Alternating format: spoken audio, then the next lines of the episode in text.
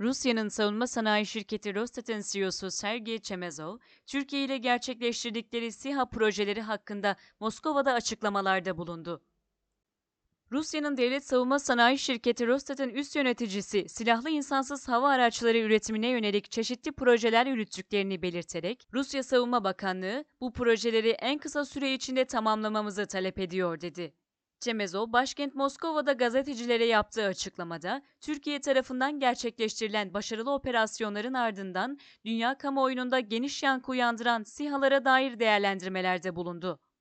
Rostad'ın yanı sıra, Urallar Sevil Havacılık ve Krostat şirketleri tarafından SİHA projelerinin yürütüldüğünü belirten Çemezov, biz de Ohotnik SİHA'sının geliştirilme sürecini tamamladık ve test aşamasına geçtik. Bu, uzun mesafelere uçabilen, güçlü silahlar da taşıyabilen son teknoloji bir SİHA'dır.